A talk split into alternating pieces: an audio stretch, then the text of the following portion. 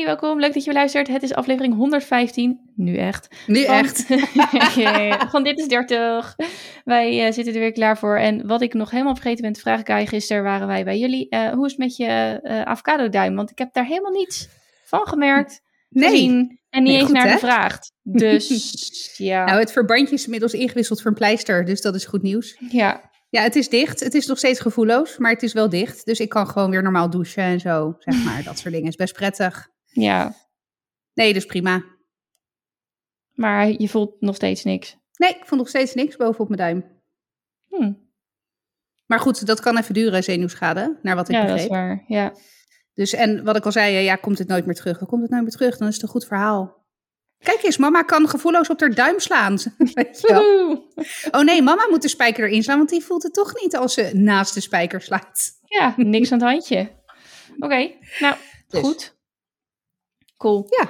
Ik, ehm, nou, ik ga er gelijk wel even met eh, gestrekte teen in. Maar ehm, ik heb eh, zo ongeveer eh, twee vierkante centimeter huid van mijn grote teen gescalpeerd, zo ongeveer vanmiddag. Hè? Ja. Wat heb je gedaan? Nou, luister. Het was ook echt, en ook een waarschuwing voor jou, luisteraar. Dus luister mee en leer van mijn fouten. Wij togen vanmorgen richting school. George had de vroegere dienst. Ik bracht de twee jongens weg. Louis was ziek. Bracht één jongen weg met een jongen achterop. Ehm, en Mason zijn ketting was er laatst al een keer afgegaan. Dus die fiets moest een keer naar de fietsenmaker. Maar ja, ja, zoals met alles denk je. Dat doe ik morgen. Dat doe ik volgende week. Oh ja, die fiets. Nou, Afijn, die ketting die schoot er weer af. En dan het, het, het doet iets met het achterwiel. En die slaat ook gelijk vast bij hem. Daar zit iets niet helemaal goed. Dus eh, nou, eh, prima, hij bleef rustig. Ik bleef rustig, fiets aan de kant, op slot. Ik zei, nou, ik ga hem zo weer ophalen. Ehm, hoe nu verder? Lopen naar school is prima te doen hoor. Maar ik zei, joh, weet je, kom even op mijn frame staan. Weet je wel? En dan houdt hij zo je... eh, Ja, dus zeg maar, Louis dan achterop, ik op het zadel en hij staat dan op mijn frame. Ehm, ja, gewoon. En dan houdt hij mijn stuur vast. Nou, dat ging echt best lekker. En eh, ik zei echt, oh, het lijkt net alsof je weer voor op mijn fiets zit, weet je wel. Gewoon dat hoofdje. Dan gaf hem ook echt zo'n kusje achter op zijn hoofd. Ik dacht, ah. Dus nou, wij bij school, prima. Ik, en nou ja, goed, ik moest hem weer ophalen natuurlijk. Ehm, en George had toevallig vandaag de auto meegenomen. Hij gaat altijd op de fiets. Maar vandaag was hij met de auto, want hij moest nog eh Jaden zijn spullen ophalen bij zijn moeder. Nou, fijn, prima. Dus dat ging niet. Nou, ik denk, nou ja, prima, gaan we toch lopen naar huis. Of we doen het weer zo. Nou, ja, wij eh, weer terug naar huis. Hij weer op dat frame. Dat ging echt hartstikke goed. Totdat we hier bij het poortje aankwamen. En Oei, oei, oei. ja, ik heb hem daar gewoon niet goed op voorbereid. Eh, want ik zei, eh, staan. Weet je, wel, ik, ik wilde gewoon dat hij van die fiets af zou stappen. Ik zeg, je moet nu even gaan staan. Staan, staan, staan, staan. Ja, en wat hij doet, hij, ja, hij freest gewoon, omdat hij ook niet snapt wat hij moet doen. Ik heb, dat, ik heb hem daar ook, ik heb, had hem daar totaal niet op voorbereid. Ik had er zelf ook niet over nagedacht. Het was gewoon hartstikke stom. Maar goed, hij bleef dus op dat frame in een soort freeze houding. Ehm Stokstijf waarschijnlijk. stokstijf. Die Ja. fiets, die gaat al een stoepje op en staat stil en ik hou hem niet meer. Dus wij gingen met z'n drieën Oei, oei, oei. compleet om. En ik heb ooit toen ik, weet ik het, acht was of zo, mijn moeder zien vallen met mijn broertjes op de fiets. Want ik fietste dan zelf en ik heb twee jongere broertjes, die schelen ook drie jaar. Dus die ene zat voor de ander achter en toen vielen zij dus. En dat staat me nog zo voor de geest. Dus dat is altijd een van mijn ja, soort semi-angstbeelden geweest. Van dat die jongens dan in zo'n stoeltje zitten en dat ik Ja. val. Eh, want ze kunnen nergens heen. Dus nou ja, dat gebeurde nu. En ehm, nou ja, Louis zat dus achterop. Die viel ook gewoon met die fiets mee. En Mason die viel ook. Want die, die stond echt... Die was gewoon gefreezed. Daar heb ik later ook nog met hem over gehad. Dat je dus die drie, hè, fight, flight of freeze hebt.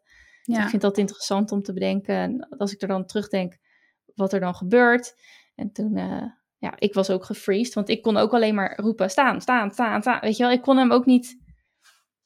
Op dat moment, zeg maar, coachen naar zet je voet eraf of zo. Dat, nou ja, goed, dat ging allemaal eh, compleet mis. Dus ja, we zijn gevallen. Ehm, en op de een of andere manier, want ik hield die fiets dus niet, maar op de een of andere manier heb ik hem toch weer rechtop gezet met Louis achterop. Eh, gekeken uit schaafwonden op zijn benen en zijn arm, maar dat viel mee. Maar hij zat echt, oh, oh ik denk, kut, arm gebroken, Oh, weet je dat wel. Dat denk je armpje, gelijk. ja. Ja, tuurlijk. Dus, eh, nou ja, nee, dat, dat viel uiteindelijk eh, mee. Naar Mason gekeken, die was sowieso heel erg geschrokken en die voelde zich heel schuldig. Dus ik gelijk, nee, nee, Oh, weet je wel. Ja. ja. En nee, het is niet jouw schuld. Sorry, mama. Nee, het is niet jouw schuld. En ik geloof wel dat, dat, dat hij dat vrij snel wel heeft geïnternaliseerd. Dus dat was fijn. Dat was echt heel fijn. Ehm, maar ja, die was dus blijkbaar, zei hij een paar minuten later. Hij zegt, ik ben op mijn achterhoofd gevallen op de stenen. Jezus. Weet je wel? Mason of Louis? Mason. Mason, ja. Oei. Dus die was gewoon zo rot omgegaan. En dat heb ik ook nooit geregistreerd. Dat hij, dat hij, want hij zat op zijn, toen ik voor het eerst weer naar hem keek, zat hij volgens mij op zijn kont. Ja, dus, maar goed, hij was dus blijkbaar. Dus nou, hè, de- een paar keer gecheckt van, eh, vanmiddag nog. Maar ja, dat viel dus mee. Geen bloed of wat dan ook. Ja, toen keek ik bij mezelf en toen zag ik dan meteen dus, eh, nou ja, het topje van mijn teen was gewoon, want ik had slippers aan. Dus daar heb ik blijkbaar iets mee over de straat. Dus er was echt zo- zo'n vel. Dus ik heb nu zo'n, nou ja, je hebt dan zo'n soort tweede huid eronder zitten of zo, hè? Dus ik heb dan Ja, het is zo dan dit- roze, soort van. Ja. Oh, ja. jeetje. Ja, Oh ja, ja. luisteraars. Ja, Eileen die, die gooit even er, er... Nou, letterlijk gescopeerde teen voor de, voor de webcam of voor de camera. Oei, ai, ai, ai. Dat ziet er echt heel pijnlijk uit. Ja, dat deed het ook. Ehm, maar goed, ja, weet je, ik, ik moest nog de poort doorlopen. Dus ik had, eh, dus zeg maar, mijn slipper vulde zich met bloed. En die kinderen moesten natuurlijk huilen. Ik, zeg, ik dacht alleen maar, ik moet gewoon naar de tuin, want dan kan ik iets. Laat Ja. Jaden alsjeblieft al thuis zijn. Nou, die zag ik inderdaad scharrelen in de keuken. Dus ik gelijk, Jaden, doe die deur open. Ik moet een theedoek hebben. Dus eh, die, eh, die, die, die, die ging helpen. En de jongens een beetje naar binnen halen en zo. Dus eh, ja, het was gewoon een gedoe. En ik ben. Ik heb er al een paar keer over nagedacht. Ik ben hartstikke blij en, en dankbaar dat, er gewoon, dat dit, dit het is. Want de jongens hebben er uiteindelijk niks aan overgehouden. Dat natuurlijk. Thank God. Ja, het is bij mij Ja. ook altijd een soort van horrorbeeld. Zo'n moeder met twee van die kinderen die dan omvalt, weet je wel. Dat, Ja. Je houdt het. Goed, dus eh, nou ja, wat heb ik ervan geleerd? Eh, ik ben er ook te klein voor. Het is niet alleen dat de jongens gewoon te zwaar Ja, zijn. het zijn geen baby's gewoon- meer, hè? Nee, en dan die fiets en eh, die lange gasten. Het is gewoon, ik heb, ben, heb de kracht niet om het, om het te houden. Maar ik ben er ook gewoon te klein voor. Dus nou ja, dit doen we gewoon niet meer. Dus luister, Nee. eh, leer van mijn eh, fout. Ga gewoon lopen of kies hier niet voor. Want het is, het is, ik heb me te gewoon, ja, te laat. Op het moment suprem realiseerde ik me, fuck, ik geef gewoon een zevenjarige die van toeten nog blazen weet, een bepaalde verantwoordelijkheid om te zorgen dat wij niet vallen. Want hij is natuurlijk, hè, neutraal gezien, Ja, maar ja. de reden Ja. dat je valt. Ja, ja hij is de Ehm, ballast, zeg maar, op dat moment waar je ook Die- niet, die- waar en een fiets niet op gebouwd is, zeg Nee. maar, om op die manier de ballast te Te hebben. verdelen, nee. Te verdelen, ja, precies. Ja. Ja. Dus nou ja, dat eh, was niet oké. Dus nou, ik, eh, ik zit, eh, ja, hoe zeg je dat? Ik zit op de blaren, ik zit op de gescalpeerde teen. En ehm, ja. Ik, Oh, maar het ziet er echt nasty uit. eh, Ei. ja, ja, het is echt... Het is niet een velletje eraf, zeg maar. Nee, nee, het is gewoon echt righteous scalp, ja. Ja. ik heb trouwens ook die slipper, die is licht beige. Ik Ja, die- niet schoon. Er Nee. zit ook echt nog een soort bloedsteny ding zit er. Want ja, het was ook niet de eerste eh, actie die ik natuurlijk ondernam. Want er waren andere dingen die mijn aandacht behoefden. Maar eh, nou, het was nog wel verder, zeg maar, het aflopen. Louis heeft natuurlijk heel, heel veel gehuild. Eh, en op een gegeven moment was dat dan over. En nou ja, toen iedereen zat, binnen was, ik een theedoek om mijn dingen had, iedereen een glaasje water had gekregen van Jaden. Nou, toen, Oh. kwamen bij, toen kwamen bij mij wel traantjes. En zat Mason weer Ja. zo aan te kijken. En eh Mason zei elke keer, mijn benen trillen zo. Ja, Dus toen hadden we het natuurlijk die van- adrenaline die dan eruit Ja. gaat. Ja. Ja, ik zei, kijk, weet je, dus ik heb dat ook, dat was wel erg gelijk een mooie aanleiding om het daarover te hebben. Ja. Van dat je gewoon schrik in je lijf hebt zitten en dat dat ontlaten moet worden. Dat heb Ja. ik ook van Maartje geleerd. Van ja, het, het trauma ontstaat meest. Ja, trauma ontstaat in principe als je in de freeze schiet. Of als je niet weg kan. Nou, we hadden sowieso Ja. twee freezers en iemand in een stoeltje met een gordel om. Ja. Ehm, En dat je dat gewoon ook moet ontladen, omdat het anders vast blijft zitten. Dus eh, ik zeg, eh, ga maar lekker trillen. Ik zeg, kijk, Louis heeft gewoon veel gehuild. Ik moest ook even huilen. Ja, bij jou is dat blijkbaar nu dat je benen trillen. Nou ja, en toen een paar uur later zei hij, hé, hey, mijn benen trillen niet meer. Ik zeg, oh, dan is de schrik uit je lijf. Ja. Dus dat was eh, een mooi verhaal weer. Ja. Ja, het is natuurlijk gewoon kansloos, maar... ja, het is gewoon heel erg kut. Ja. Ja, ja. Nou ja, en dat op de verjaardag van de huisgenoot? Hm, dat op de verjaardag van den huisgenoot. Yes, die is vandaag zijn veertigste levensjaar ingewandeld. Ja, ja. Ja, en het was wel mooi, want gisteravond toen, uh, nou het staat op de, we hebben zo'n zo'n uh, kalender. Ik heb ooit eens bordjes geverfd met um, krijtverf. Dus we hebben zeven dagen, maandag tot en met zondag. En daar schrijf ik gewoon op school en gym en nou ja, dat soort dingen. Eigenlijk Mason's een agenda zo'n beetje. Maar ik had natuurlijk ook mooi gezegd, hè, papa jarig. En Louis had dat best wel in de gaten gisteren nog toen we thuis kwamen van jullie. van hé, hey, vandaag is het vier, morgen is het vijf. Ik zie papa jarig. En ik heb het idee sinds vanmiddag dat hij het ook al een beetje kan lezen. Want hij gaat dus papa en mama schrijven en Louis. En hij wilde dat ik Mason voordeed. En hij heeft dus uh, dat één keer met mijn voorbeeld gedaan, papa. En daarna ging hij ook tekeningen maken voor papa die jarig was. En toen heeft hij dus ook elke papa, keer papa zeg maar. geschreven. Ja. Oh, ja. leuk. Ja. ja. Het was op een gegeven moment wel ap-ap. Weet je wel, maar... Maakt niet uit. Nee. Maakt niet uit. Dus ik had wel het idee dat hij zeg maar dat woord ook wel uh, herkende. Um, dus hij zegt, ga je gefeliciteerd maken voor papa? Dus ik, toen dacht ik, ja, hij wil gewoon versierde kamer. Ja, want Ja. papa mocht dan niet kijken en dan moest Ga ik je dan doen. en- gefeliciteerd maken. maken. Oh, wat Ja. leuk. Dus nou ja, gisteravond toen ik de opleiding, en waar we zo nog even op komen, helemaal klaar had gemaakt, toen eh, hebben we nog eh, gefeliciteerd gemaakt. dus bedankt hier inderdaad met wat slingers. En vanmorgen was gewoon even gezellig, maar ja, niet heel erg, want ja, eh, hij moest vroeg beginnen en iedereen moest naar school. Vanmiddag kleurtje gedaan en ehm patat met gehaktballen gegeten. Ik patat. Maar ja, dus hebben we gefeliciteerd, gefeliciteerd gemaakt. Dus het, het was verder prima, maar het was een hele gekke dag, weet je wel. Dus Ja, het was al begon al met dat ik Louis ging afmelden omdat hij ziek was. Dus mijn dag ja ging dat, ook ik compleet... moet zeggen dat... Dat had je gisteren ook al geclaimd. Of tenminste, dat was gisteravond toen je... eh, Inderdaad, jullie waren bij ons. We hebben samen de Formule 1 race gekeken. En eh, ergens, ik denk richting... Nou, ik denk uurtje of zo voordat jullie weggingen. Ja, Toen was ook ineens van... hey, volgens mij zei Sjors het op een gegeven moment van... Joh, die, eh, hij is echt kapot. En toen zei jij van ja, ik heb het idee dat hij morgen thuis is. Ik, volgens mij is hij niet lekker. Eh, Ja, toen, ja. toen callde je het soort van al. ja, gewoon keek naar zijn gezicht en toen dacht ik gelijk, die is ziek. Dus, Ja. ja. nou ja, dat, dus dat was al anders. En eh, nou ja, die fiets die natuurlijk op, eh, op slot sloeg. En dan, nou ja, goed, whatever. Ik, heb, ik ging maar een beetje met de flow van de dag. Maar de dag heeft me wel getest inderdaad. Ja, Nou ja.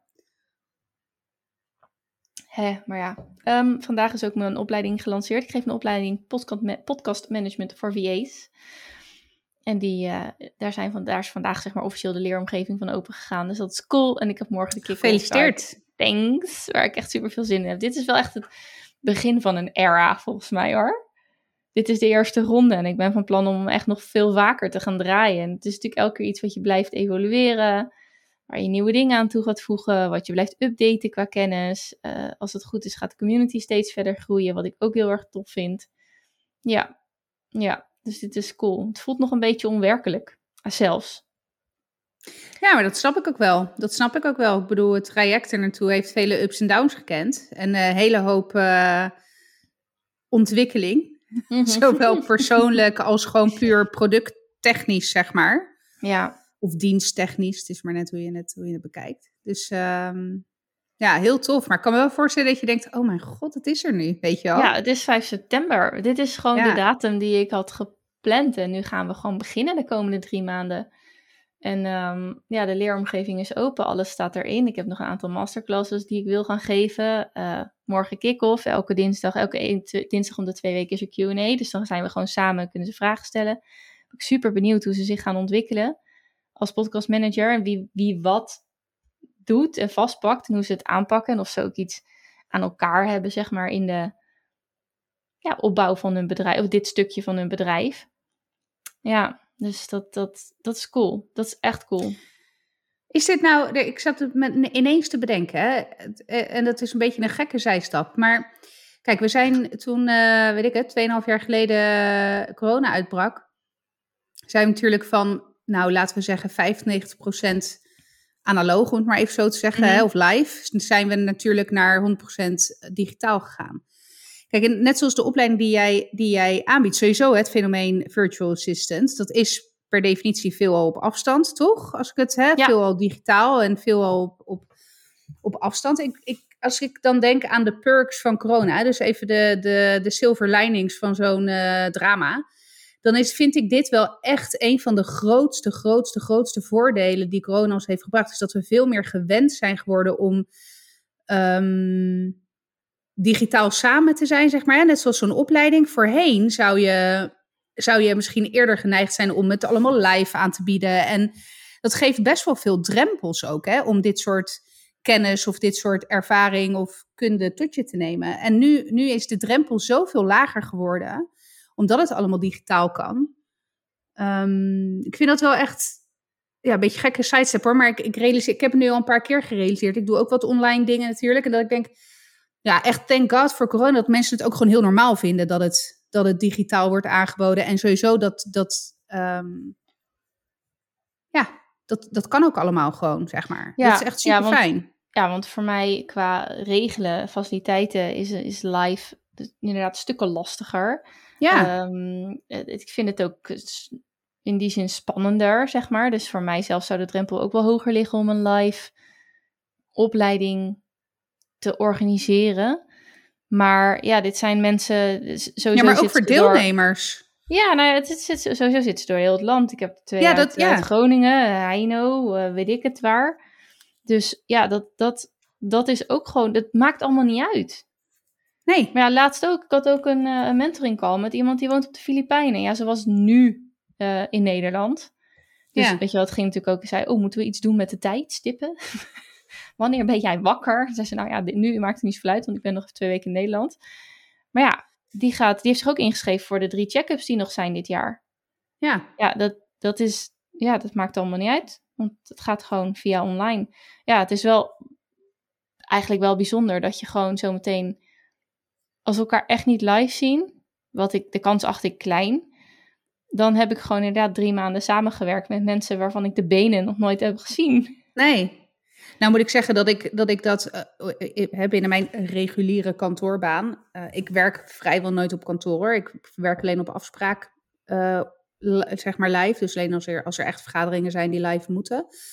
Maar er zijn daardoor dus inderdaad ook collega's die ik dus nog nooit live heb gezien. Nee, die dan ineens heel lang of heel klein zijn. Ja, precies. Ik had het ook met Maartje. Die is, die is gewoon nog twee centimeter kleiner dan ik. Dat is super gek. Ja, terwijl ik dat trouwens helemaal niet had bedacht bij Nee. Maartje. Ik dacht echt, Maartje is 1,80 meter of zo. Ja, in mijn, ja, die was in mijn hoofd nog langer dan ik, zeg maar. Ja. Haar, haar, haar aura, haar expertstatus is gewoon, eh, dat straalt gewoon Ja. iets anders uit. ja.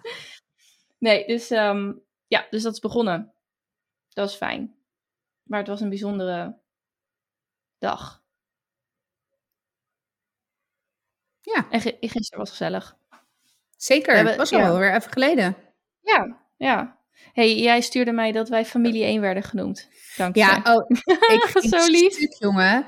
We liepen vanochtend naar school en eh, nou, Milo had een beetje de tering erin, want de switch moest natuurlijk uit 's ochtends toen hij naar school ging. Ja, dat is sowieso eh, heel... Hè, dat is ja. altijd, eh, dat is echt gewoon, nou inderdaad. Dus, maar goed, we liepen naar school en op een gegeven moment, het was even stil en hij zei, mama, wanneer komt familie 1 weer? Dus ik keek hem aan, ik zeg, familie 1?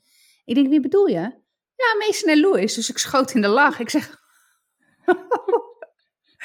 ik zeg, ja, we gaan, we gaan binnenkort weer een keertje afspreken. Maar ik moest zo lachen om familie 1. We Echt, en dat, Familie dat je gewoon zelf. Nou, dus bij deze, jullie zijn Nou ja, omgedoopt tot familie 1. Fijn dat wij de benchmark zijn. Vind ik prettig. Nou, inderdaad. Ja, ja, dat Dus, dacht ik eh, wel. Ik denk, ik deel je dit heugelijke nieuws even. Precies, het is gewoon een hele comfortabele positie om in, in te bevinden. Ja, familie 1. Dus familie 1, superleuk. Ja, ja, en die Max weer gewonnen. Ja, nou, ja, het was wel wat minder. De laatste keer dat wij samen de Formule 1 wedstrijd hebben gezien was iets wat epischer, zeg maar. Zowel de wedstrijd Hele- als het tafereel wat zich hier in deze woonkamer afspeelde. Nee, dat was echt not one of my finest moments, maar wel een van de... Nou, het was Ja, wel een van je puurste momenten, denk ik. Nou, zeker. Er was echt geen enkel greintje aan... eh, zelfbeheersing? Nee, nou nee, inderdaad. Het is mooi omschreven. Dit was dus, uh, lieve luisteraars, het moment dat Max wereldkampioen werd. Ja, nou, op, het op was een wijze zeg maar, dat het... Ja, die Nou. laatste vijf rondes. Ik kan me nog herinneren dat ik op een gegeven moment echt, echt wanhopig op de grond letterlijk ging Ja, liggen. Ja, Met nou, dit is het en eh, alles is voorbij. En, eh, en toen gebeurde het natuurlijk met die, eh, nou ja, natuurlijk voor mensen die geen Formule 1 race kijken, denken wat lopen ze te blaten. Ik ben nog gewoon Formule 1 fan en ik wil dat altijd wel specificeren, ook pre-Max Verstappen. Hè? Even, ik ben wel een purist. Nee, maar goed. eh, ik ben een redelijk Formule 1 fan, maar goed. En, en die laatste ronde en die hele controverse. En toen flikte die het ineens. Nou, ik heb echt ges- nou, tot aan echt letterlijk mijn tenen. ja, Ik denk, Ja. ik denk in dit geval echt dat, dat de mensen die één straat achter mij wonen, tenzij ze zelf in zo'n euforisch moment zaten, eh, dit ook hebben meegekregen. ja, dit was gewoon echt eh, een en al eh, geluid. Ja, Ja, het was mooi. Dus gisteren was iets minder inderdaad epic, maar wel weer gewoon, gewoon leuk. ja was leuk. Ja. ja, hij staat nog steeds ook op mijn lijstje, om, op mijn bucketlist. Om een keer naar een. Formule 1 wedstrijd te gaan. Never ik, been. eh, ik ga nog eventjes een andere zijstap maken naar iets wat totaal ongerelateerd is. Maar ik ben dus deze week ook nog begonnen met een Focus Funnel programma. Een focus fun opgemaakt. Volgens mij zag ik daar iets eh, op jouw Insta-stories van voorbij komen. Je hebt een hele mooie planner daarvoor gekregen. Ja, oh ja, dat is echt fantastisch. Nee, ja, ik wil, ik heb veel te doen. Ik wil ook veel doen, maar ik heb daar totaal geen systeem voor. Gewoon niet. En sinds mijn PTSS eh, is mijn, ehm, ja, misschien heeft dat met PTSS te maken, misschien met mombrain, misschien gewoon was ik altijd al zo. Maar het- de hebt nu de controle luxe om een- over de tijden op een dag is Oh voor ja. mij dat heb ik niet helemaal in de vingers. Maar ik heb er ook totaal geen tools voor. Gewoon niet. Ja, ik kan wel verzinnen van eh, plannen of, of weet je wel, Pomodoro, eh, Hmm. Pomodoro techniek doen of, Ja. of getting things done. En, maar nee, toen kwam ze voorbij met Focus Funnel programma en toen dacht ik, ja, dit, dit, dit is goed voor mij. Dus eh, we hebben gewoon eigenlijk, en dat, dat was al gelijk al tof, want en dat, wou ik, eh, dat, dat, dat, dat vond ik zeg maar de grootste takeaway van de kick-off. Zij heeft mij helemaal uitgevraagd op, oké, wat, wat, wat leidt je dan nog af, bijvoorbeeld? Dus als ik, eh, wat, wat zei ze, ze heeft sowieso een onderverdeling in gewoon je werk, maar eh, ook 20, 80, 80, 20 dagen taken. Dus 20% van je taken is 80% van je tijd en zo. Maar ook sluimertaken. En dat zijn van die kwadrant 2 dingen. Dus ehm, niet Ja. urgent, wel belangrijk. Eigenlijk het punt waar je moet zitten. En toen dacht ik, ja, daar Ja. heb je iets. Dus ik ging een sluimertaak doen, namelijk mijn Google Drive opruimen. En Oh, ja, ja. ja, en toen zei zij dus van ja, oké, dan gingen we echt een hele checklist maken van wat is dus de voorbereiding voordat je die focus, dat focus tijdblok ingaat. En zo had ik hem gewoon nog nooit bedacht. Ik dacht gewoon, oké, van half tien ga ik daar aan beginnen tot tien uur. Althans, nu hebben we dan een half uur gepakt. Eh, vond ik ook echt nog mijn eerste naam. Maar goed, eh, het- het- het is wel, het is logisch. En ik moet ook gewoon onderaan de ladder beginnen. Maar eh, dat ik eerst deed van, nou, van 10 tot 11 ga ik dat doen. Maar dan ging ik om 10 uur zitten. En dan dacht ik nog aan, eh, oh ja, ja, die zou ook nog mailen. Of zou die, eh, die opname al geüpload zijn? Dan kan ik die alvast downloaden. Of hey, ik moet nog naar de wc, weet ik veel. Ehm, eh, eh, ik heb mijn notificatie, ik heb geen notificaties aan. Maar weet je, je bent gewoon niet voorbereid op zo'n focustijdblok, waardoor je ja, in ieder geval niet voor 100% kan focussen, maar misschien zelfs maar voor 75 of 70%. Dat vond ik echt een goeie. Dat ik echt gewoon de simpelste dingen. En zij zei ook van, eh, ja, als die mail je bezighoudt, zorg dan gewoon dat je in je mail hebt gekeken. Voordat En het dat- tien uur Voordat is. het 10 uur Of is. half tien, whatever. Ja. Ja, terwijl je eh, best wel leert van nou, je, je mail niet openen, want dan word je, weet je wel, Ja. dan gaat er weer van alles Prikkels. prikkels en dan moet je van alles en dan ga je daar weer op reageren. En ehm, ja, dus dat was cool. Dus dat wil ik ook nog even als, eh, als eh, tip meegeven. Maar het ging lekker. Ja. Maar toen ik, ik was dus op mijn nieuwe computer bezig. En toen dacht ik, weet je, er staan ook wat grote bestanden op mijn Google Drive die er wel af kunnen. Ik pak mijn externe harde schijf en ik ga gewoon eventjes dingen daar naartoe zetten. Ja, ik was echt, jongens, jullie zijn trots op mij hoe ik bezig was. En dat allemaal door mijn allereerste focus tijdblok. Ik pak die, die externe harde schijf. En ik kom daar met mijn USB-A kabeltje, weet je wel? Ja, dat was niet meer. USB-kabeltje. Ja, En ik denk, oh wauw. het is alleen de Zit er- USB-C uitgangen. Ja, en echt twee. En Of aan de andere maar- kant zit, zit goddank nog een jack, waardoor mijn koptelefoon erin zat. Dus ik had ook helemaal nog niet in de gaten gehad. Dus nu ook, met het opnemen, zitten we op mijn oude eh, laptop die het prima doet. Maar er zit dus helemaal geen, er zit überhaupt niks in, behalve twee USB-C uitgangen. Nee, ja, dan Dus moet je zo'n... eh, ik heb zo'n blokje gekocht. Ja, want ik had eh, met... Ja, ik had niet het probleem, want ik heb zowel USB-C als USB-A-poorten in mijn laptop. Maar ik heb te weinig USB-poorten Hm. eh, op mijn laptop. En dat snap ik, want normaal gesproken werk je in dockings. Maar ik heb thuis geen docking, die komt er ook niet.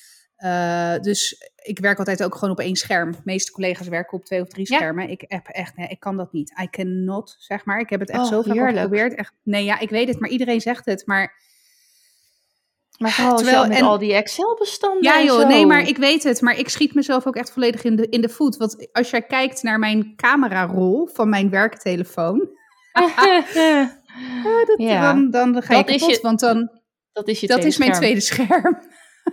ja, precies. Maar goed, dus ik heb wel gezegd, eh, eh, met mezelf afgesproken tegen de tijd dat de zolder af is. Ik denk, hè?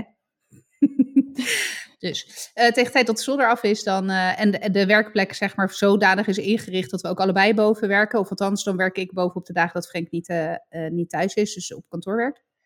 Dan, dan ga ik wel mezelf aanleren om op meerdere schermen te werken. Maar goed, anyway, wat, ik ben echt onwijs aan het uitdraven op alleen het feit dat ik dus zo'n hubje heb gekocht die in een, in een USB-C-poort past. En daar zitten dan vijf USB-A-poorten eh, in. Dus, en die is niet eens zo heel duur, is echt een paar tientjes en dan, dan ben je er wel. Ja, ik, ik kreeg er eentje aangeboden door den huisgenoot slash Oh, nou. facilitaire, die, die hier eigenlijk de boel draaiende houdt als ik eh, vers- verzonken ben in mijn bedrijf. Ehm, ik kreeg er al eentje toegestuurd inderdaad en dat was ook drie tientjes geloof ik. Ja, Dus dat is, eh, ja. dat is wel goed te doen. Maar eh, nou, het, het- ik was wel weer even verbaasd. Ik denk, oh ja, oh ja. T- zo zit dat natuurlijk ook nog weer. Dat zijn dan dingen waar Ja. ik totaal niet op let. Maar ja, Nee, als zou ik ik ook het, niet doen. Nee, maar als ik dit zo zie, dan denk ik dat u überhaupt eh, dit niet meer echt een ding is, zo'n USB-A. Nee, terwijl ik moet eerlijk zeggen dat heel veel elektronica die je nu nog steeds koopt. En net Ja. zoals de microfoon waar we nu mee opnemen, die heb ik half jaar geleden gekocht, zoiets. Ja, zoiets. Ja. Er zit ook gewoon nog ja. een USB-A. Dat is, eh, de, ja, dus zolang er nog, dat vind ik dan wel een beetje. Kijk, je moet op een gegeven moment natuurlijk een overstap maken. Of nou ja, je moet, je moet niks. Maar op een gegeven moment zul je de overstap maken. En dan snap ik dat je, dat je net zoals eh, een nieuwe laptop, dat je daar alleen nog maar USB-C-ingangen in bouwt. Ook omdat die veel minder ruimte in beslag nemen dan USB-A. Ja. Maar ja, het wrange eraan is dat er heel veel elektronica nog wordt eh, verkocht met, eh, met wel gewoon normale USB-poorten. Nu had ik wel ergens begrepen dat vanaf datum X, ik heb werkelijk geen idee, dat ze in ieder geval alle oplaadsnoeren allemaal hetzelfde willen. Of tenminste dat ze fabrikanten Ah. willen verplichten. Ik weet niet of dat dan alleen voor telefoons geldt, maar om in ieder geval allemaal een, dezelfde oplader te gaan gebruiken. hey, eh, bliksemt het nou achter jou? Ja, dat zou kunnen. Ik dacht ook dat het... eh, Ja. ik- maar ik dacht er net al dat het... eh, Ja, het was ook wel weer drukkend vandaag. hoor. Jezus, nou. Oh, Ik, eh, ik ging erg slecht vandaag. Zo. Nee, ja, Ja. dus maar ik bijvoorbeeld, ik, ik raad mijn klanten ook, of mensen die ik spreek, ook gewoon een bepaalde eh, microfoons aan. ja, En, sorry ehm, trouwens. Ik, eh, jongens, als jullie ja. op de achtergrond eh, gerommel horen, ik denk niet dat ik denk dat de microfoon het wel filtert, maar dan onweert het inderdaad. Ja, Dat is voor het eerst voor het eerst dat we tijdens een, tijdens een Oh, opname ja. onweer hebben. Ja, nou, hartstikke leuk. Oh, Ja, je weet wat het voor de energie doet. Ehm, nee, maar ik, ik adviseer mensen gewoon van, oh, die USB-microfoon, bla bla bla. Ja, nee, kijk even wat voor uitgang je hebt, want anders moet je er Ja. nog zo'n verloopstukje eh, bij regelen. Nou, anyway. Nee, maar dik tip een, eh, voor, eh, voor ook weer jouw klanten, toch? Zeker, ja. Dus, nou ja, wederom luisteraars, jullie zijn super voorbereid. Zeker. Ehm, we hebben totaal, ik heb eigenlijk helemaal niet gevraagd van tevoren of je iets wilde mededelen, maar heb je iets wat je graag wilt benoemen? Eh, heb ik iets? Heb ik iets? Heb ik iets? Heb ik iets? Eh, ik heb vandaag eh, omgekeerde oudergesprekken gehad. Wat is dat? Dat is een 10 minuten gesprek waarin de ouders aan de juf vertellen hoe zij hun kind ervaren, vinden, denken, doen, Oh. voelen. Maar goed. Ik dacht dat er iets met kinderen... Nee. ja, ik snap het. Ja. Dat is gewoon, gewoon 10 minuten gesprek. Ehm, maar goed, Zeno is naar een andere klas gegaan dit jaar. Eh, naar een Delta-klas. En daarbij wel, heeft hij wel zijn juffen van vorig jaar behouden. Dat was een, eh, een toevaltje, zeg maar. Eh, dus ja, dan eh, kennen, kennen die juffen hem natuurlijk al heel goed. Eh, en wij kennen de juffen goed. Dus het was heel, heel gezellig en fijn. En eh, het was nog even spannend, want ehm, voor de vakantie werd eigenlijk vrij plotseling eh, de mededeling gebracht dat Zeno naar de Delta-klas mocht. Ehm, Ja, want het En is de iets Delta- wat, waar jullie natuurlijk Ja. al een tijdje mee bezig zijn. En het was ja, nee, ja, nee. Ja, ik, precies. Ik weet niet eens, volgens Ja. mij heb ik dit eigenlijk niet eens ooit in de podcast eh, genoemd, hè? Nou ja, ehm Delta-onderwijs, daarin comprimeren ze het reguliere curriculum eh, in de ochtend en in de middag krijgen ze dan projectonderwijs. Klassen zijn wat kleiner en er wordt wat meer diepgang, zeg maar. Dus het gaat meer dieper. Ehm, en ook op thema's eh, als eh, de ik en hoe verhoudt, hè, sociale, ook, hè, sociale omgangsthema's, maar bijvoorbeeld ze hebben ook een vak schaken en filosofie. En dus het is een wat breder aanbod. En eh, er was vorig jaar al sprake van dat, dat de oudste daar naartoe mocht. Zijn juf, dus zeg maar toen hij van groep 3 naar groep 4 ging, zijn Mhm. juf voor groep 3 eh, heeft toen ook echt kei en keihard gelobbyd bij de commissie om hem in die klas te krijgen. Uiteindelijk is haar dat niet gelukt. En moet eerlijk zeggen dat zelfs andere leerkrachten hebben het daar met mij over gehad, over hoe fel zij daarin was. en ook hoe fel zij over die keuze was. Ze was het er echt pertinent niet mee eens. Dat heeft ze ook bij ons echt heel duidelijk gemaakt. Ehm, en zij heeft dus het hele vorig jaar, en zij draaide zelf vorig jaar die Delta-klas. Ja. En zij heeft het hele vorig jaar, heeft ze blijven, is eigenlijk is gewoon blijven neggen, en blijven zeuren, blijven lobbyen voor hem. Inclusief ook zijn juffen van vorig jaar. Ehm, dus uiteindelijk mocht hij, ondanks dat hij dan niet aan alle criteria voldeed, mocht hij dan dit jaar wel eh, de Delta-klas. Maar goed, dat was voor de zomervakantie nog best wel een dingetje. Want het was heel plotseling. Het was echt donderdagmiddag belde de IB'er eh, met... eh, nee, vrijdagmiddag zelfs. Vrijdagmiddag belde de IB'er. Want ik zat in de auto terug van een afspraak uit Amsterdam. Ehm, met joh, dit is er aan de hand. hè, mag. En we willen eigenlijk wel graag maandag al weten. Want het was zeg maar de vrijdag... De, de week daarna was de laatste week voor de vakantie. We willen eigenlijk maandag al wel weten of jullie, of jullie wel of niet daarmee akkoord eh, gaan. Dus ja, weet je, dan word je ook een beetje voor het blok gezet. Ehm, Ik denk goed. dat het op zich niet eens zo heel erg is om een korte beslisperiode te hebben. Want, nou ja, dan heb je ook niet de tijd om allerlei nuances. Ja, je gaat ook meer misschien op je gevoel. Maar het punt was, ik vond dat sowieso vreemd, omdat dit natuurlijk al een heel jaar eigenlijk speelde. En ineens Precies. is het, is het heel erg binnen dat ene weekend en vrijdagmiddag bellen, maandagochtend antwoord. Ja, Ja, het, en dan denk ik, ja, het kan, eh, rationeel gezien dacht ik, nou eigenlijk wel goed dat je gewoon gedwongen wordt om er meteen over na te denken en een beslissing te nemen. ja, Maar omdat het al zo lang speelde, was dat Ja. gewoon, voelde dat gewoon niet in verhouding. nee, nee, eens. En, eh, maar goed, dus uiteindelijk hebben we dat, eh, dat weekend toen met, eh, met hem besproken. En hij was echt in tranen. Hij wilde niet, hij, weet je, hij wilde, ja, hij wilde gewoon niet, punt. En dat had met name te maken met het feit, hij lag of ligt sociaal heel goed in zijn oude klas. Weet je, hij heeft veel vriendjes.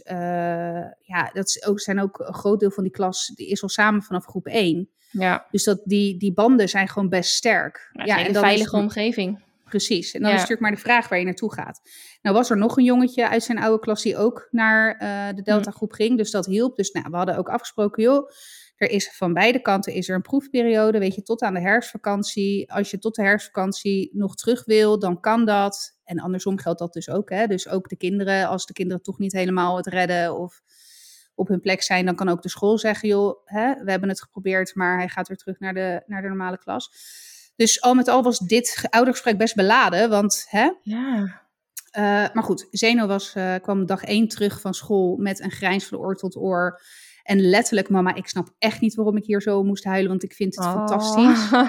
Hij heeft, nou, normaal gesproken, als hij uit school kwam en je vroeg hoe het geweest was, dan eh, is het leuk of fijn of eh, weet je wel, dat. ja, weet nu heeft hij letterlijk gewoon drie kwartier georeerd over zijn schooldag. Dus toen dacht ik ook, oké, dit zit goed. Ja, De keuze is goed. En, eh, maar goed, het moet dan dus ook nog wel vanuit de school zo ja. Dus, uh, dus nou, we hadden het gesprek vanochtend of uh, vanmiddag en dat was eigenlijk gewoon heel goed. Het was wel grappig, want een van zijn juffen was wel. Wij gaven aan hoe enthousiast en blij hij was. En een van de juffen was daar wel verbaasd over. Dat ze zei: Oh, hij ze zegt, maar dat. dat um, ik wilde eigenlijk aan jullie vragen of hij het wel naar zijn zin had. Want hij toont dat niet zo expliciet op school. Maar goed, hij is natuurlijk ook niet zo heel expressief. Tenminste, hij is vrij introvert. Mm -hmm. dus dus het was eerder dat zij, nou ja, hoopte dat hij het naar zijn zin had, omdat zij de match ook zagen. Dus ik, nou, we gingen daar met een gerust hart weg. Dus, uh, dus dat, was, dat was heel fijn. Echt heel fijn. Want dat was best wel een, um, nou, een zorgpuntje. Wil, wil, nou, dus misschien, maar ja, toch wel dat je denkt, oh ja, als het maar goed gaat. Ja, toch? Ja, ik bedoel, ja. ja, je hoopt gewoon dat het op deze manier kan blijven gaan. En anders is het weer gedoe en terug. En, en ja, nou, fijn, cool. Ja, heel fijn heel fijn. Ja. Dus uh, ja, de, de jongste moeten we nog even kijken hoe dat gaat, want zijn juf is langdurig uitgevallen. Eigenlijk al vanaf het begin, dus. Nou ja, vanaf dag één. Die is, niet, uh, die is niet, zeg maar, begonnen aan haar schooljaar. Dus dat was nog wel even spannend, want hij is vier en dus niet leerplichtig. Dus ja, ja, weet je, ja. op het moment dat ze het niet rondkrijgen, precies. Um, en school is geen opvang. Dat is ook altijd het eerste wat bij mij een soort van mijn mantra dan wordt om niet in mijn boze regel-emotie te. Snap je? Want ik word dan boos en niet om, van, vanwege het feit, maar omdat ik de consequenties die het met zich meebrengt. Alleen de consequenties zitten er natuurlijk in het feit dat voor mij school wel ook opvang is. In die zin, ja. Ik denk dat het voor elke ouder een, een, een randvoorwaarde is om werk te kunnen verrichten. Precies. Het, dus ja, het is met erbij nee, maar nee. het maakt werken mogelijk. Ja. Met erbij in, in Milo's geval ook nog wel de, de kanttekening dat hij het ook echt, echt, echt, echt, echt nodig heeft. Ja. Hij heeft die uitdaging op school nodig en die kan ik hem niet bieden. Ja, ik kan hem bieden als ik inderdaad zeg tegen mijn werkgever: count me out tot I don't know when, wanneer de juf weer terug is, want weet je wel. Ja. Maar goed, dus uiteindelijk uh, hebben ze het, vind ik, best oké opgelost vanuit school. Echt kudo's, want hij heeft nog geen dag heeft hij thuis hoeven blijven. En er is nu ook een structurele oplossing in ieder geval tot de herfstvakantie gevonden. Dus ja, ik ben benieuwd. Maar goed, het feit dat het dan ook meteen tot de herfstvakantie, dan denk ik, oeh, hoe, hoe heftig is heftig, weet je wel, met zijn eigen ja. leerkracht. Dus nou ja, goed. Ik denk, uh, het was wel een beetje ja, een uh, rommelige start dat... van het schooljaar, zeg ja. maar. Ja, en het is ook, um, nou, je weet gewoon dat het moeilijk is om leerkrachten te vinden überhaupt. Ja, daarom. Ik denk echt dat, uh, dat, dat dit soort, het werkt natuurlijk ook uitval in de hand. Ik weet natuurlijk niet precies wat er met de leerkrachten aan de hand is. Maar het is vervolgens ook nog eens moeilijk om vervanging te vinden. Ja. Ja, onwijs moeilijk. Dus nou, ja, goed. Het gaat je? niet uh, vanzelf. Nee, en ik ben wel blij dat Milo het lijkt te accepteren allemaal. Dus weet je, die vindt het allemaal best. Ja. Dus, uh, nou ja, fingers crossed. Maar oh. goed. Mm-hmm. Ik had niks op mijn lijst staan, maar dat kwam even naar boven borrelen. Zo. Ja. nou, ik heb nog wel iets wat ik uh, wil delen, want ik um, ben aan morning yoga begonnen. Kijk, ik ben gewoon vroeg wakker. Ik ben Ja. altijd al vroeg wakker en nu mijn hoofd weer, nou, soort of overuren draait, ben ik gewoon vroeg wakker. Het valt nog mee. Ik probeer echt wel heel veel te doen aan. Heb ik al eens verteld dat ik hier ook, uh, hier, dat ik ook een bepaalde routine probeer vol te houden om mijn slaap zo goed mogelijk te krijgen. Ik moet zeggen, dat werpt wel zijn vruchten af. Dus uh, tien uur naar bed gaan, weet je wel, gewoon vaste slaaptijden. Nou ja, meestal word ik dan tussen vijf en zes wakker. Als ik over zes wakker word, nu is het gewoon uh, fijn. Maar als het echt wel normaal is, dan slaap ik ergens tussen kwart over tien en zes is. Nou, ja, dat, zich. eh, dat, eh, op, dat qua aantal uren Ja. is dat echt wel dik prima. Ja, is 7,5, eh, soms 8 uur. Dus eh fijn. Nu ben ik dus net- nog net wat vroeger wakker. En wat ik ook doe is eh, morning sunlight viewing. Dus dan ja, daar kijk je... hebben we het ja, eerder over gehad. Precies, dus dan kijk je towards the sun. En eh, nou ja, ik, ik moet, volgens mij hebben we het vorig jaar over gehad. En toen stond jij ook Ja. eh, een paar keer nog buiten. Ja. Ja. was het echt winter. Capuchons op te staan. Maar ik ben het dus echt wel structureel gaan volhouden nu. En het werkt. Althans, ik voel echt dat het werkt. Dus dat is eh, in ieder geval heel fijn. Maar nu ben ik dus ook begonnen aan morning yoga. Omdat ik toch tijd heb, morgens nu, omdat ik wakker ben. En ik kan dan gaan werken. Soms doe ik dat ook. Ehm, maar weet je, laat ik het ook gewoon pakken om iets aan beweging te doen. Zweten wil ik niet. Ik ga niet rennen. Ik ga niet, weet ik het wat doen. Ik blijf die stretchfilmpjes doen. Laat ik dan gewoon echt in de yoga gaan zitten. Dus nu heb ik Yoga with Adrienne ontdekt. Uh, nou ja, ik ben een beetje late to the party, want ze heeft 11 miljoen subscribers. Dus het is niet dat ik, dat, dat ik haar ontdekte heb. Maar Adrienne, als jij, luisteraar, haar ook nog niet kent. Die ene persoon nou, die ik, niet ik kent. ken haar niet, dus... Hè? En jij, ja. Nou ja, wat zij, zij is, eh, ik, vind haar, eh, ik vind haar wel leuk. En zij heeft dus, dat is trouwens ook qua marketing ding, dat vind ik dan weer fascinerend om te zien. Zij heeft dus playlists gemaakt en dan doet ze het gewoon elke dag één. Dus september 2022 en augustus 2022. En dan zit er ook een thema aan. Dus augustus was, eh, weet ik veel, eh, peace of mind of zo, ik noem nou maar wat. En ehm, september is rebirth of weet ik het wat. Nou, anyway, dus eh, ik heb de, de, de september, ik heb haar gisteren of eergisteren voor het eerst eh, gezien, ontdekt. En ik heb haar septemberkalender gedownload. Ook nog zoiets, simpel pdfje, maar daar heb je dus achter elke datum heeft ze die linkjes geplaatst. Oh, wat slim. uit haar team, weet ik veel. Maar dat is gewoon, dus dat ding staat op mijn bureaublad.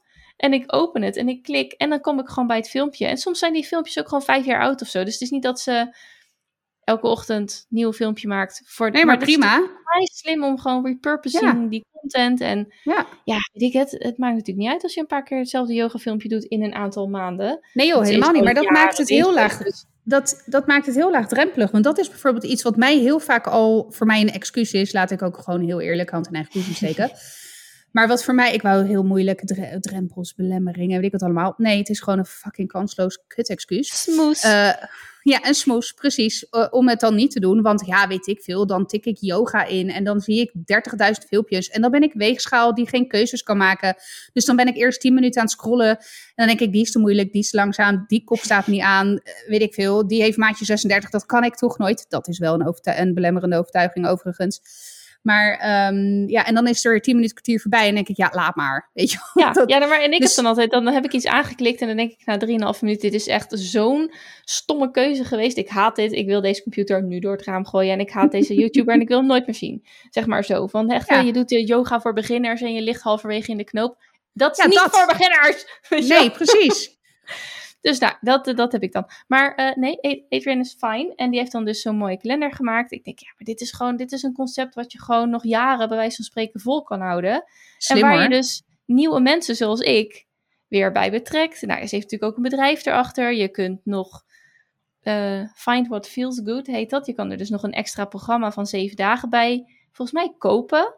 Ehm, dus dan zeg maar, in een week heb je dan en de morning yoga filmpjes, gratis. En dan kun je dus ook, eh, ja, dat is hier volgens mij, de, regen tettert op het dak. Oh ja, hier ook, ja. Ja, hier ook, ja.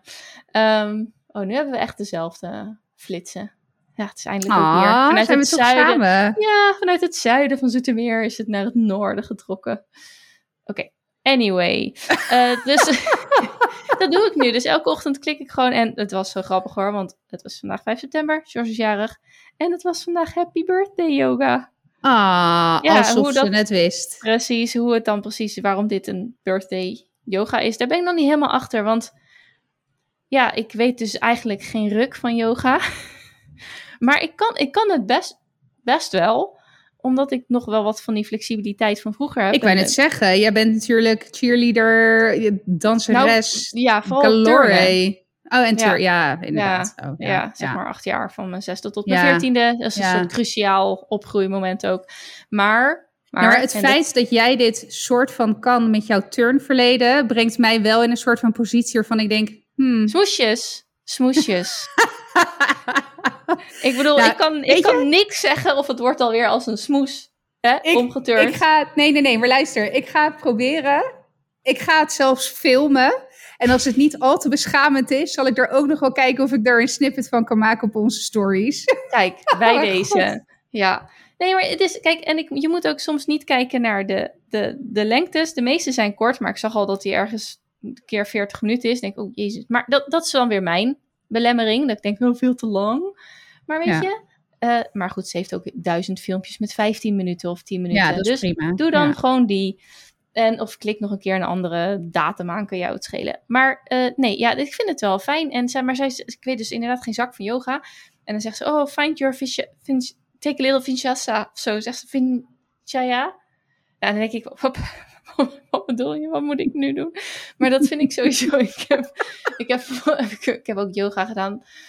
Uh, gewoon een keer zo'n stripkaart van tien keer of zo. Was best prima. Maar dat was elke keer dus toen er tijd, en dat was echt, een, echt jaren, volgens mij tussen mijn twee zwangerschappen in, kon ik er ook niet zo goed tegen dat ze dan zei: uh, We doen nu dit, maar uh, pas aan als je het niet kan, zeg maar, of als het niet goed voelt.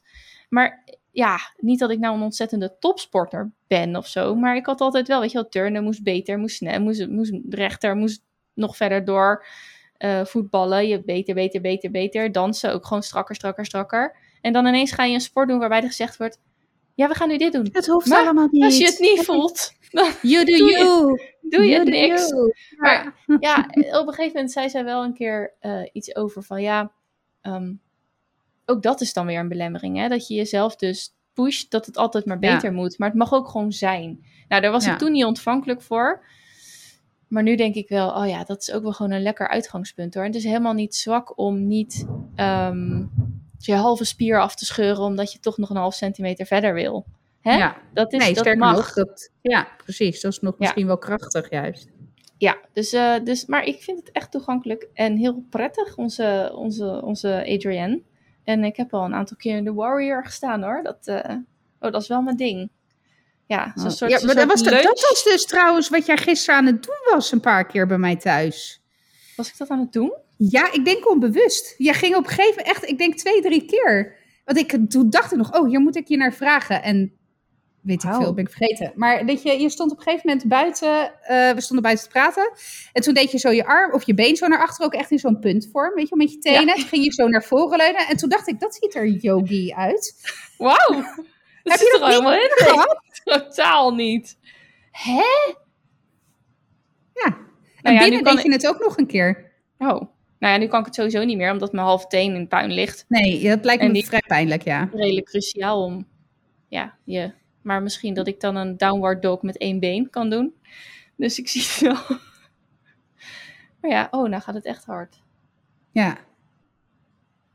Maar wel lekker dat die warmte, de warmte uit de lucht is. Oh nee, ja. ja. eh, ja, dus ik ben, wel, ik ben eigenlijk ook wel nieuwsgierig naar hoe dit... Want het voelt echt wel goed. En het voelt echt wel als iets van, dit kan ik gewoon volhouden. Want dit is helemaal niet... Hier loop ik ook niet tegen mijn eigen... Ja, ik, ik weet het. Ik moet gewoon bellen voor de Eurolon. Maar Ja. op het moment dat er een jumpje of een springetje... of een iets te wijde ding in Strijdstand. zit... Strijdstand. Dan, dan eh, met kracht zetten. Ja. Hoewel dat met yoga natuurlijk ook wel zo is. Ik weet niet zo goed. Maar meer de, de fitnessy dingen. ja. De bouncy dingen die... die nou ja, daar word ik ook gewoon verdrietig van. Op een gegeven moment stop je. Ja, je ga- het is- als je halverwege een filmpje je onderbroek moet eh, verschonen... dan ga je ook... Ja. Is, nou ja, ik ga dan niet meer verder. Nee, nee, nee. niet, eh, ja, iedereen over één kam, eh, één kam scheren. Maar ik wou zeggen scheuren. ja. Ja, dat blijft toch wel... wel een ding. Wat is nou daarin de belemmering? In ja, de dat is. ehm, nou ja, we hadden het gisteren over ehm, tijd nemen voor je mentale gezondheid. Mhm. En ja, toen moest ik daar ook gewoon aan denken. Ik bedoel, dit is natuurlijk iets wat, waar op zich mee te, goed mee te leven valt, weet je wel. Het is al een van die momenten. Maar het is een beetje hetzelfde idee dat je dat ik mezelf de tijd niet gun. Want ik weet dat hè, ik, moet daar, ik moet een paar keer heen en weer naar Brabant. Ja. Eh, de, de, de dag zelf ehm, ja, ga ik ook niet zelf rijden. Nee.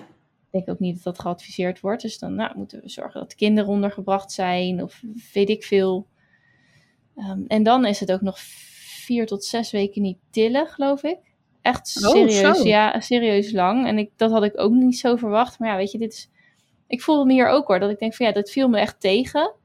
Maar tegelijkertijd merk ik ook meteen, ja, dit is dus mijn bosje om me achter te verschuilen. Want ja. Ja, dat, ja, zwaar. Weet je wel, als ik zo'n bandje had laten zetten, had ik zeg maar echt, bij wijze van spreken, geopereerd. Voelt het veel Ja, ja. geopereerder. ja. En dan had ik erop gerekend. En nu, omdat het fillers inspuiten is, zou het zou het minder heftig moeten zijn of zo. En zou ik gewoon de volgende dag weer huppelend eh, mijn kinderen op moeten kunnen tillen. Ja. Maar dat is dus niet zo. Wordt in ieder geval eh, afgeraden, laat ik het zo zeggen. En nou ja, dat zijn al die dingen die werp ik gewoon op om te zorgen dat ik het niet doe. Maar het heeft echt, het is hetzelfde hoor. Het is echt, ik, ik hoor mezelf gewoon die smoesjes vertellen. Want ja, no time like the present en het komt natuurlijk nooit uit. Nee. Ja, gelukkig ben je ook gewoon nog mens. Met bosjes ja, en zo. Ja. ook ik heb mijn zwakke kanten. ja, ja. Nou, ik merk wel dat als je het dan hebt over uh, persoonlijke ontwikkeling, dat ik soms mensen spreek die ik dan een tijdje niet heb gesproken. En dat je dan merkt, niet dat de ander ehm, minder is of zo, maar je merkt ineens, hé, hey, wij zijn twee verschillende paden opgegaan. En ja. ik kan ook niet zo goed meer meegaan in slachtofferverhalen, terwijl die ander dat niet ziet. En, en dan, ja, ik weet niet, herken je dat? Dat je dan echt iemand hoort en dat je denkt, ja, ja, je kan er ook voor kiezen om zelf actie te ondernemen. Maar ja. op het moment dat je dat, dat je dat dan ter sprake... Ja, ik breng dat dan toch niet ter sprake. Omdat ik dan nee, geen zin heb niet. in die confrontatie of zo. Nee, ik ook niet. En ik moet ook eerlijk zeggen, het zijn ook vaak mensen die me dan toch net te weinig boeien om die confrontatie en de, e-, wel aan te gaan en die energie erin te steken. En dat is niet lullig bedoeld. Dat klinkt heel hard trouwens wat ik nu zeg. En ook heel onaardig eigenlijk. Ik bedoel eigenlijk helemaal niet zo onaardig. Maar uh, kijk, stel dat ik dat, dat ik dat bij iemand zou bemerken die echt dichtbij me staat. Of waar ik wel nog geïnvesteerd of invested. In het Engels heb je dat mooi, hè? Geïnvesteerd ja. bent. In het Nederlands klinkt dat voor geen meter. Maar nee. invested ben in die relatie, dan vind ik het een ander verhaal. Dan zou ik wel nog steeds de belemmering voelen om het te zeggen vanuit een soort van conflictvermijdend gedrag. Maar dan zou wel op een gegeven moment het, um, denk ik, de nood hoog genoeg zijn om het wel te vertellen, omdat je heel graag wel met die persoon wil blijven kunnen levelen, zeg maar. Enerzijds hè, vanuit een eigen belang, en anderzijds wil je, gun je die ander ook die, die soort van mentale switch. Ik, en ik moet heel erg zeggen, ik ben daar ook nog niet helemaal hoor, want ik zit nu ook best wel in een rumoerige fase in mijn leven. Nou, we hebben het er gisteren even over gehad. Ik zit echt even helemaal niet lekker in mijn vel, om various reasons. Um, ja, en ik blijf ook enorm nu op, in deze fase van dat ongemak heel erg in die knowing-doing gap zitten. Dus ik weet heel goed wat ik nodig heb, alleen ik doe het niet. Um, dus, uh, en je, in periodes waarin het goed met me gaat, als ik dat gedrag dan zie, dan heb ik daar moeite mee bij andere mensen. En nu, en nu onderga ik het zelf. Ik denk alleen wel dat het verschil is, hè, want je gaf er net ook aan van, als je, dat dan, als je dan mensen ziet die je lang niet hebt gesproken, Um, en ze zien het niet, weet je wel. Ze zien die slachtofferrol niet. Of die, ik zie dat bij mezelf heel erg duidelijk, weet je. Ik, uh, volgens mij zei ik het gisteren nog tegen je van... Ja. oké, nu klaar, ik ben nu klaar. Ik heb nu tien minuten... Hè, dan met mijn kwartiertje self-pity en door, weet je wel. Ja, maar het punt is bij jou, ik weet gewoon dat het gewoon verbal processing is en dat je wel weet wat je moet doen, maar dat je dat, ja, dat dit, dit is en soms heb je iemand die helemaal in zo'n slachtofferrol even als voorbeeld zit. En dan denk je, ja, dit, ik wil hier wel wat over zeggen, maar ik, het lukt me gewoon ook niet meer om met jou mee te praten. Nee, ja. Dus dan is het echt zo'n awkward silence. Ah, ah, weet je wel, dan probeer je het. Althans, ik merk wel aan mezelf dat ik een soort van half, ja, iets wel wil terug wil geven. Maar ik vind het ook lastig, want ik wil ook niet belerend overkomen. Nee, van ik weet het allemaal beter dan jij. Um, En dat is natuurlijk ook wel weer een, een, perceptie die ik zelf heb. Want ja, wie weet dat diegene daar al helemaal voor open staat en juist dat helemaal niet heeft. Maar ja, dit zijn ook weer dingen die je dan gewoon bezighouden. En die ik gelijk bedenk van, oh ja, ik zoek het bij mezelf. Weet je wel, wat, wat zegt dit nou over mij? Welke spiegel krijg ik hier dan voorgehouden? En kan ik daar wat mee? En het hoeft allemaal niet wereldschokkend te zijn, maar ik vind dat wel een nou, het is best een intensieve soms, maar wel een hele interessante manier om naar de gebeurtenissen in je leven te kijken. Ook net als um, uh, die had ook weer, die had die, die gisteren, oh ja, nou, we gingen gisteren natuurlijk bij jullie weg, wat, wat niet, wat niet de, per definitie nooit de bedoeling is. Ja, dan, dan komt hij thuis en dan zegt hij, uh, zoals zevenjarige ook wel uh, heerlijk uh, dramatisch plachten te kunnen zijn. Dit is echt de stomste dag van mijn leven. Um, om, omdat we weggingen. Ja, en dan kan ik natuurlijk wel zeggen, ja, we zijn toch net op Bezeno geweest en het was toch gezellig ja. en we hebben dit gedaan, dat gedaan. Was dat dan niet leuk? Maar uit, als ik nog een beetje teruggraaf in mijn eigen kind zijn, het is ook het punt helemaal niet. Dit, Nee. Wat hij zegt, dat meent hij niet. Maar het is een, het is een ja, soort flauwe uiting van een bepaald gevoel. Ja, Hij wil iets en hij wordt gedwongen een andere kant op te gaan. Dus ja, wat doe je dan? Dus daar goed, daar heb ik ook over gehad. Van ja, je kan ook zelf kiezen of je blij of dat je boos bent. Ik zeg, dat is echt heel moeilijk. Heel veel grote mensen kunnen dat ook nog niet. Maar je, kan, je hebt altijd een keuze en dat wil ik dan, dan wel meegeven. Maar ja, dat is bij jezelf ook.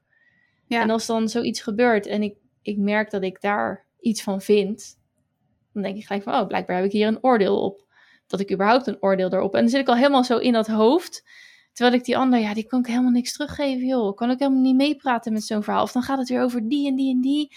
En dan hoor je echt dezelfde argumenten en verhalen als tien jaar geleden. En dan denk ik, ja, Nou, ja, dat weet vooral. je. Nou, dat, dat is het. Dat, dat is het. Zeker bij mensen die je dan al langer kent. Dat je denkt, hé, hey, ik... op een gegeven moment, en dat heb ik een paar keer gehad. Dan heb je een soort van déjà vu gevoel van, hé, hey, maar dit gesprek hebben we al eerder gevoerd. Ja, of, of gewoon, ja, precies. En, en ook de,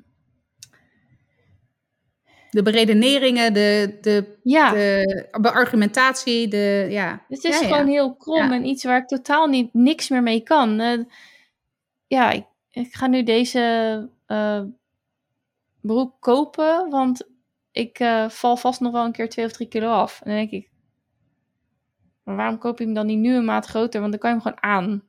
Ja, Maar dat, dat was voor mij eh, tien jaar terug. ja. En het is niet dat ik denk, jij bent echt een kneus dat je dit denkt. Hè, ik houd, dat is, nee, ik, heb echt, ik voel me gewoon lullig, omdat ik dan denk, ik, de- wat moet je dan zeggen? Ja, goed idee. Ja, en, ja, Ja, dat- ja nee, geen idee.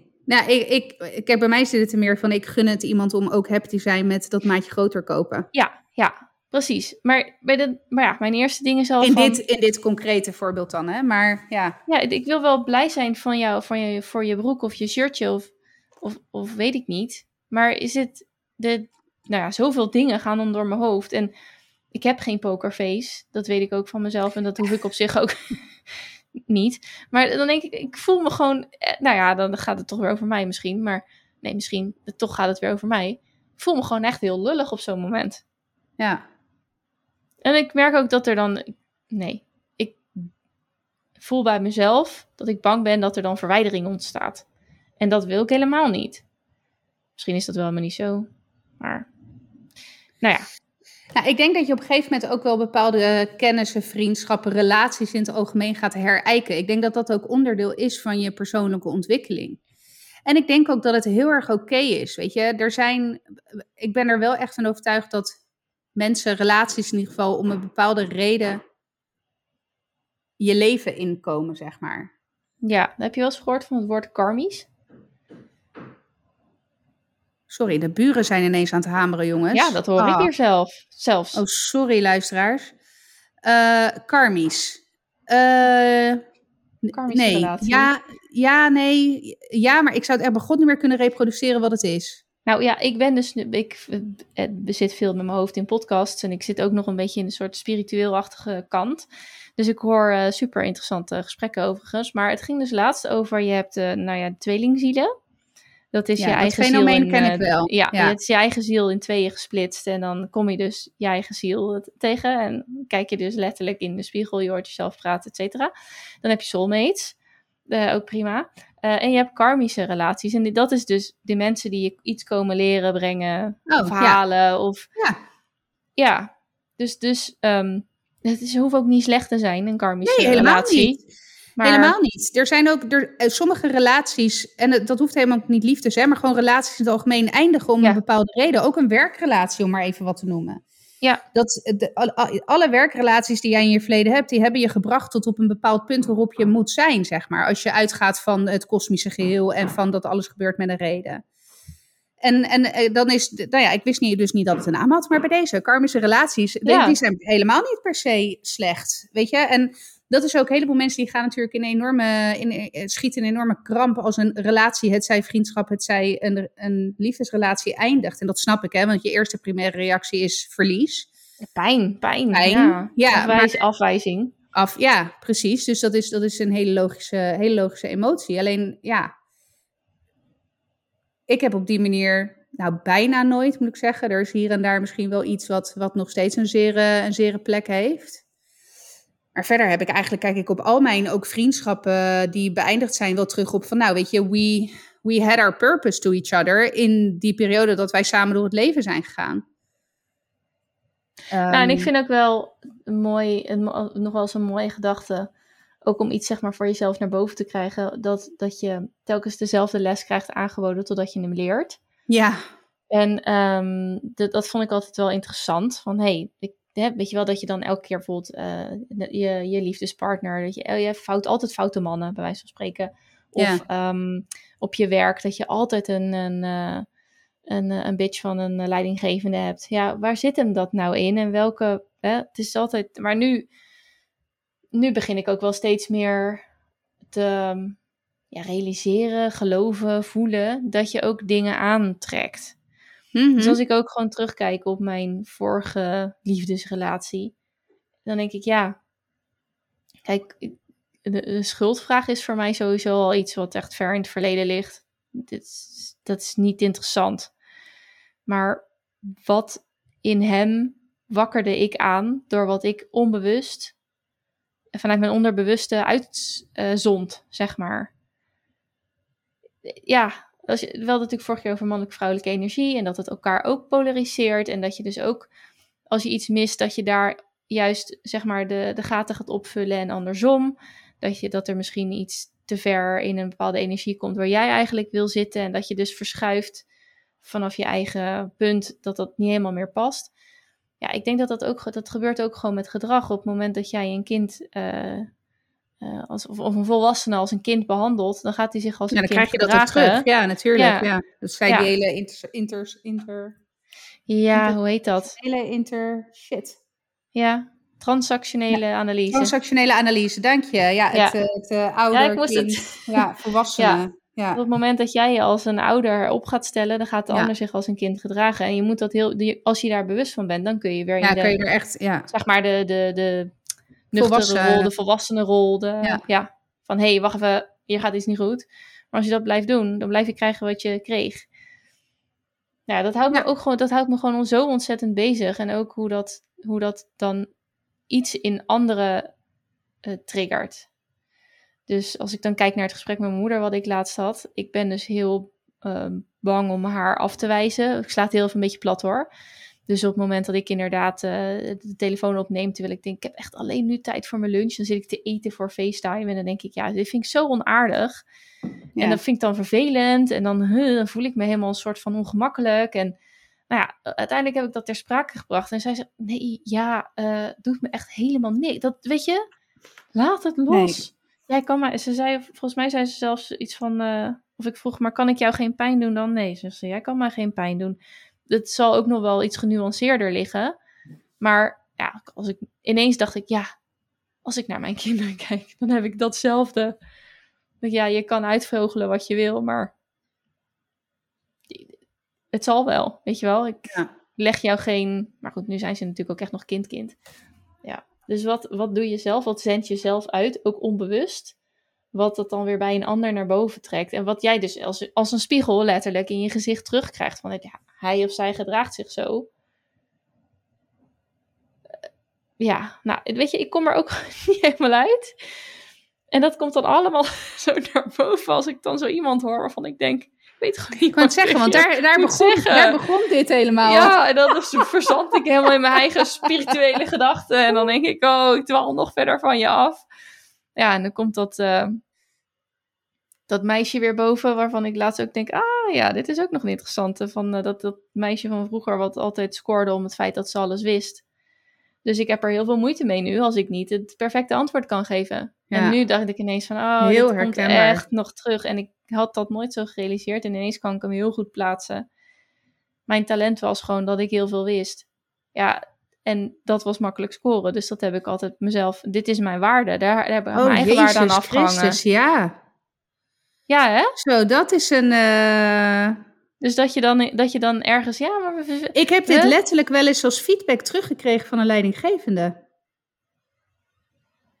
Van je wilt alles weten of je wilt eh, altijd Je wil altijd het geven? perfecte antwoord geven. En daarom ben je altijd tot op het bot voorbereid, omdat je er zeker van moet zijn dat je Ja. altijd het goede antwoord eh, Ja. Moet geven. En als je een keertje het antwoord niet hebt, dan, dan heb je het gevoel dat je faalt. Ja, en dat Dat mensen je toont dan aan je de- eigen waarde. En dat, precies. toont, en dat mensen je dan minder. Nou ja, nee, dat dat, mensen je je, dan minder- 1000 euro per Ja. maand betalen en jij weet eigenlijk niet het antwoord op hun vraag. Zo, dat is heel moeilijk. Maar nu snap ik waar dat vandaan komt. En nu denk ik, oh ja, nu kan ik dat wel weer plaatsen. Kan ik er weer aan gaan werken. Ja, echt Ja. een revelation, hè? Holy shit, ja. Ik heb namelijk, ik, ik, want dit kwam bijvoorbeeld bij mij ook in mijn potential traject heel duidelijk naar voren. Maar ik heb nooit stilgestaan bij X. Dat is namelijk ook waar ik mee scoorde vroeger. Ja, ja. Maar ja, we hebben natuurlijk allebei zo... Ja. Ik was altijd het, eh, ja. En daar komt ook mijn angst van bedweterig over, bedweterigheid overigens vandaan. Omdat Oh, ik ja. dan ook ergens had ik dan altijd ook de angst, omdat ik het antwoord dan wist, dat mensen dachten, oh, daar heb je weer die nerd of daar heb je weer die slimmerik, weet je wel. Dat heb ik nu Oh, overigens niet per se meer. Sterker nog, ik maak er een punt van dat ik gelijk heb. dat is weer de andere Maar het is maar- gewoon zo. het is gewoon zo, ja. Maar, eh, oh wauw, dit is echt een revelation. Ik had, nog niet, ik had nog niet de link gelegd met inderdaad dat, dat, dat ik daarin als kind al een deel van mijn identiteit aan ontleden. Aan het feit dat ik Ja. veel wist, veel kennis had, veel, heel Ja. ad rem ook was. In die antwoorden, zeg maar. Ja. Ja, weet je, ik, wat, ik, wat ik bijvoorbeeld heel goed kan terughalen is dat ik, nou, dat was 5 HAVO en no offense, maar dat deed ik gewoon heel erg makkelijk. En vooral k- Frans talen. Ehm, ik maakte nooit mijn huiswerk, want ik wist gewoon op het moment dat ik een vraag krijg. En eh, ja, Eileen, wat is het antwoord op 3b? Dan wist ik dat gewoon. Ja. Ja, en dat werd elke keer bevestigd dat dat voor mij zo werkte. En ik voelde me daar ook heel erg goed bij. Dus het is ook niet Ja, dat, het, ook. dat het meteen. Maar nu heb ik een soort van last van het feit dat ik dus mijn eigen waarde af- laat afhangen van het feit dat ik eh, het briljante antwoord weet. En daar ligt ook mijn belemmering in mijn belofte doen richting mijn klant. Dat ik dus niet, dat ik, ik kan gewoon niet, ik kan gewoon niet zeggen van hè, we gaan samen je omzet verhogen omdat ik meehelp aan, meewerk aan je podcast. Dat kan ik niet, want ik weet niet hoe dat moet.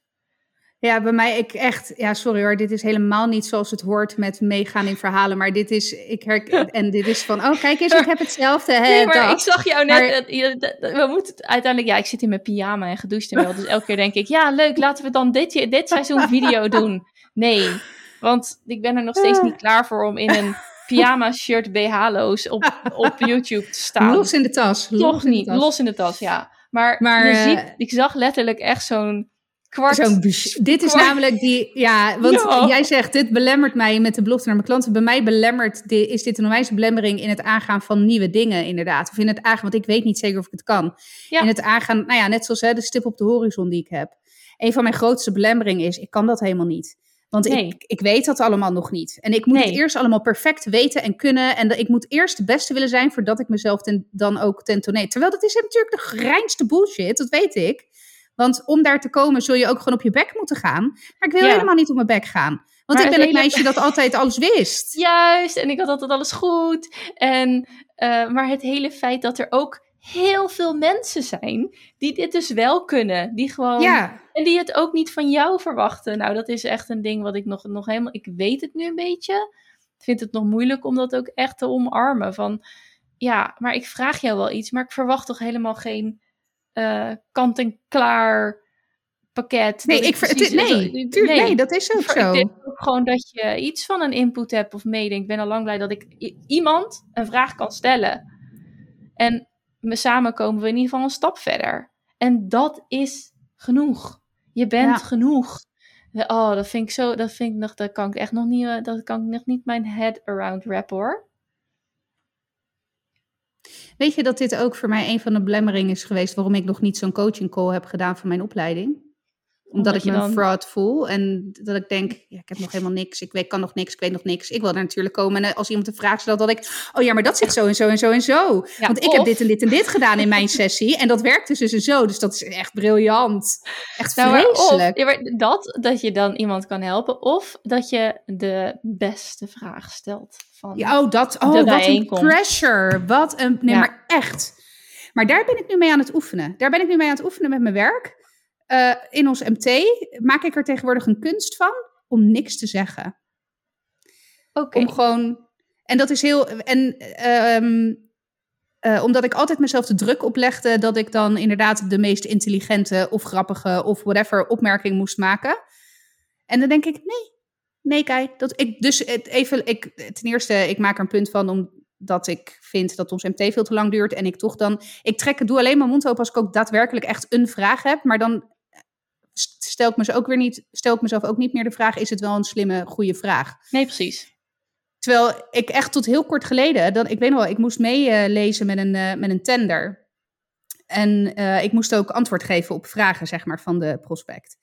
Dus ik had, uh, en ik moest, nee, dat, sorry, dat is niet waar. Ik moest vragen stellen over, er was een tenderdocument, er was antwoord gekomen op vragen die wij hadden ingeleverd. En daar moesten wij weer wedervragen op stellen. Dus ik had een uh, een vraag gesteld. Ik vond hem redelijk, ik vond hem echt wel goed. Maar ik ben toch nog bij twee andere collega's. Ben ik van, joh, willen jullie dit even crossreaden? Is dit een fatsoenlijke vraag? Of val ik hier echt totaal door de mand of zo, weet je wel? Met mijn. Uh... Het is zo fucking, omdat ik. Nou, oh, jezus, wat een. Ja, ja. Oké, okay, moet ik ook weer even gaan. Uh... Ja. Oké, okay, ik heb je weer een slapeloos ja. nacht bezorgd. Ja, bedankt hè. Ja. Dus. Ja, maar deze heb ik dus ook nu een week. Maar het is, um, ja, ja. Het komt, uh, het, het is wel een aanval op je perfectionisme, maar een goede aanval hoor. Ja, maar dat is goed ja, want die staat bij mij redelijk vooraan in de bus nog steeds. Ja. Ja, oké. Goed, we gaan de aflevering afsluiten. Ja, inderdaad, want anders zit hier over een uur nog. Ja, bedankt uh, lieve luisteraar dat je meeging in onze spirituele reis. We zijn eigenlijk best wel benieuwd of jij ook een revelatie hebt gehad. En of je het herkent. Ik denk dat. Ja, ik weet niet hoe. Ja, ik, ik, weet niet hoe ik dat moet zeggen. Maar ik denk dat als je nu nog ook nog naar onze podcast luistert. Als je sowieso 11, 1 minuut 11 in bent. En je zit er nog steeds. ja, maar dat je, dat je dus Kudos. wel herkent. Dat je dus. Ja, zeker, dankjewel. Liefde. Maar dat je ook gewoon herkenning hebt. En ja. Ja. Ik, ja contact ons. Zeg gewoon van. Ja, of zo. weet je, of nee, gewoon... weet je, dat kan ook. Of waar de fuck hebben jullie het in godsnaam over? We willen het weer over tieten en kutten hebben. In oh, de we hebben, nog, we hebben geen vulva gezegd deze keer. Nee, bij deze. Vulva, vulva, maar... vulva. Hoor je hem? De vaatwasser is er wel. Oh, de vaatwasser. Ja, oh, daar is hij weer. Ja, ja. En hij wordt niet Ja. meer eruit geknipt, jongens. Hij wordt niet meer eruit geknipt. Dus eh, ja, bij deze vulva, vulva haar, vulva lip. Ik heb nog steeds beenhaar voor het tweede jaar op rij. En eh, dus nou, we hebben ook weer lekker over platte dingen gehad. Nee, maar eh, we, we zijn te vinden op Instagram. En dit is 30 podcast. En we, onze DM's staan open. Dus kom hier eens op terug. Ook als je het over een half jaar luistert. Vinden we altijd leuk om te horen. Of jij hier ook op aanging. En of je het herkent. Of dat wij de enige weirdo's zijn. en dat is ook oké. Dat is oké, Oké. want we hebben elkaar. Ja, precies. Mm. Lieve luisteraar, bedankt voor het luisteren. En jullie horen ons volgende week weer. Doei doeg. Doei.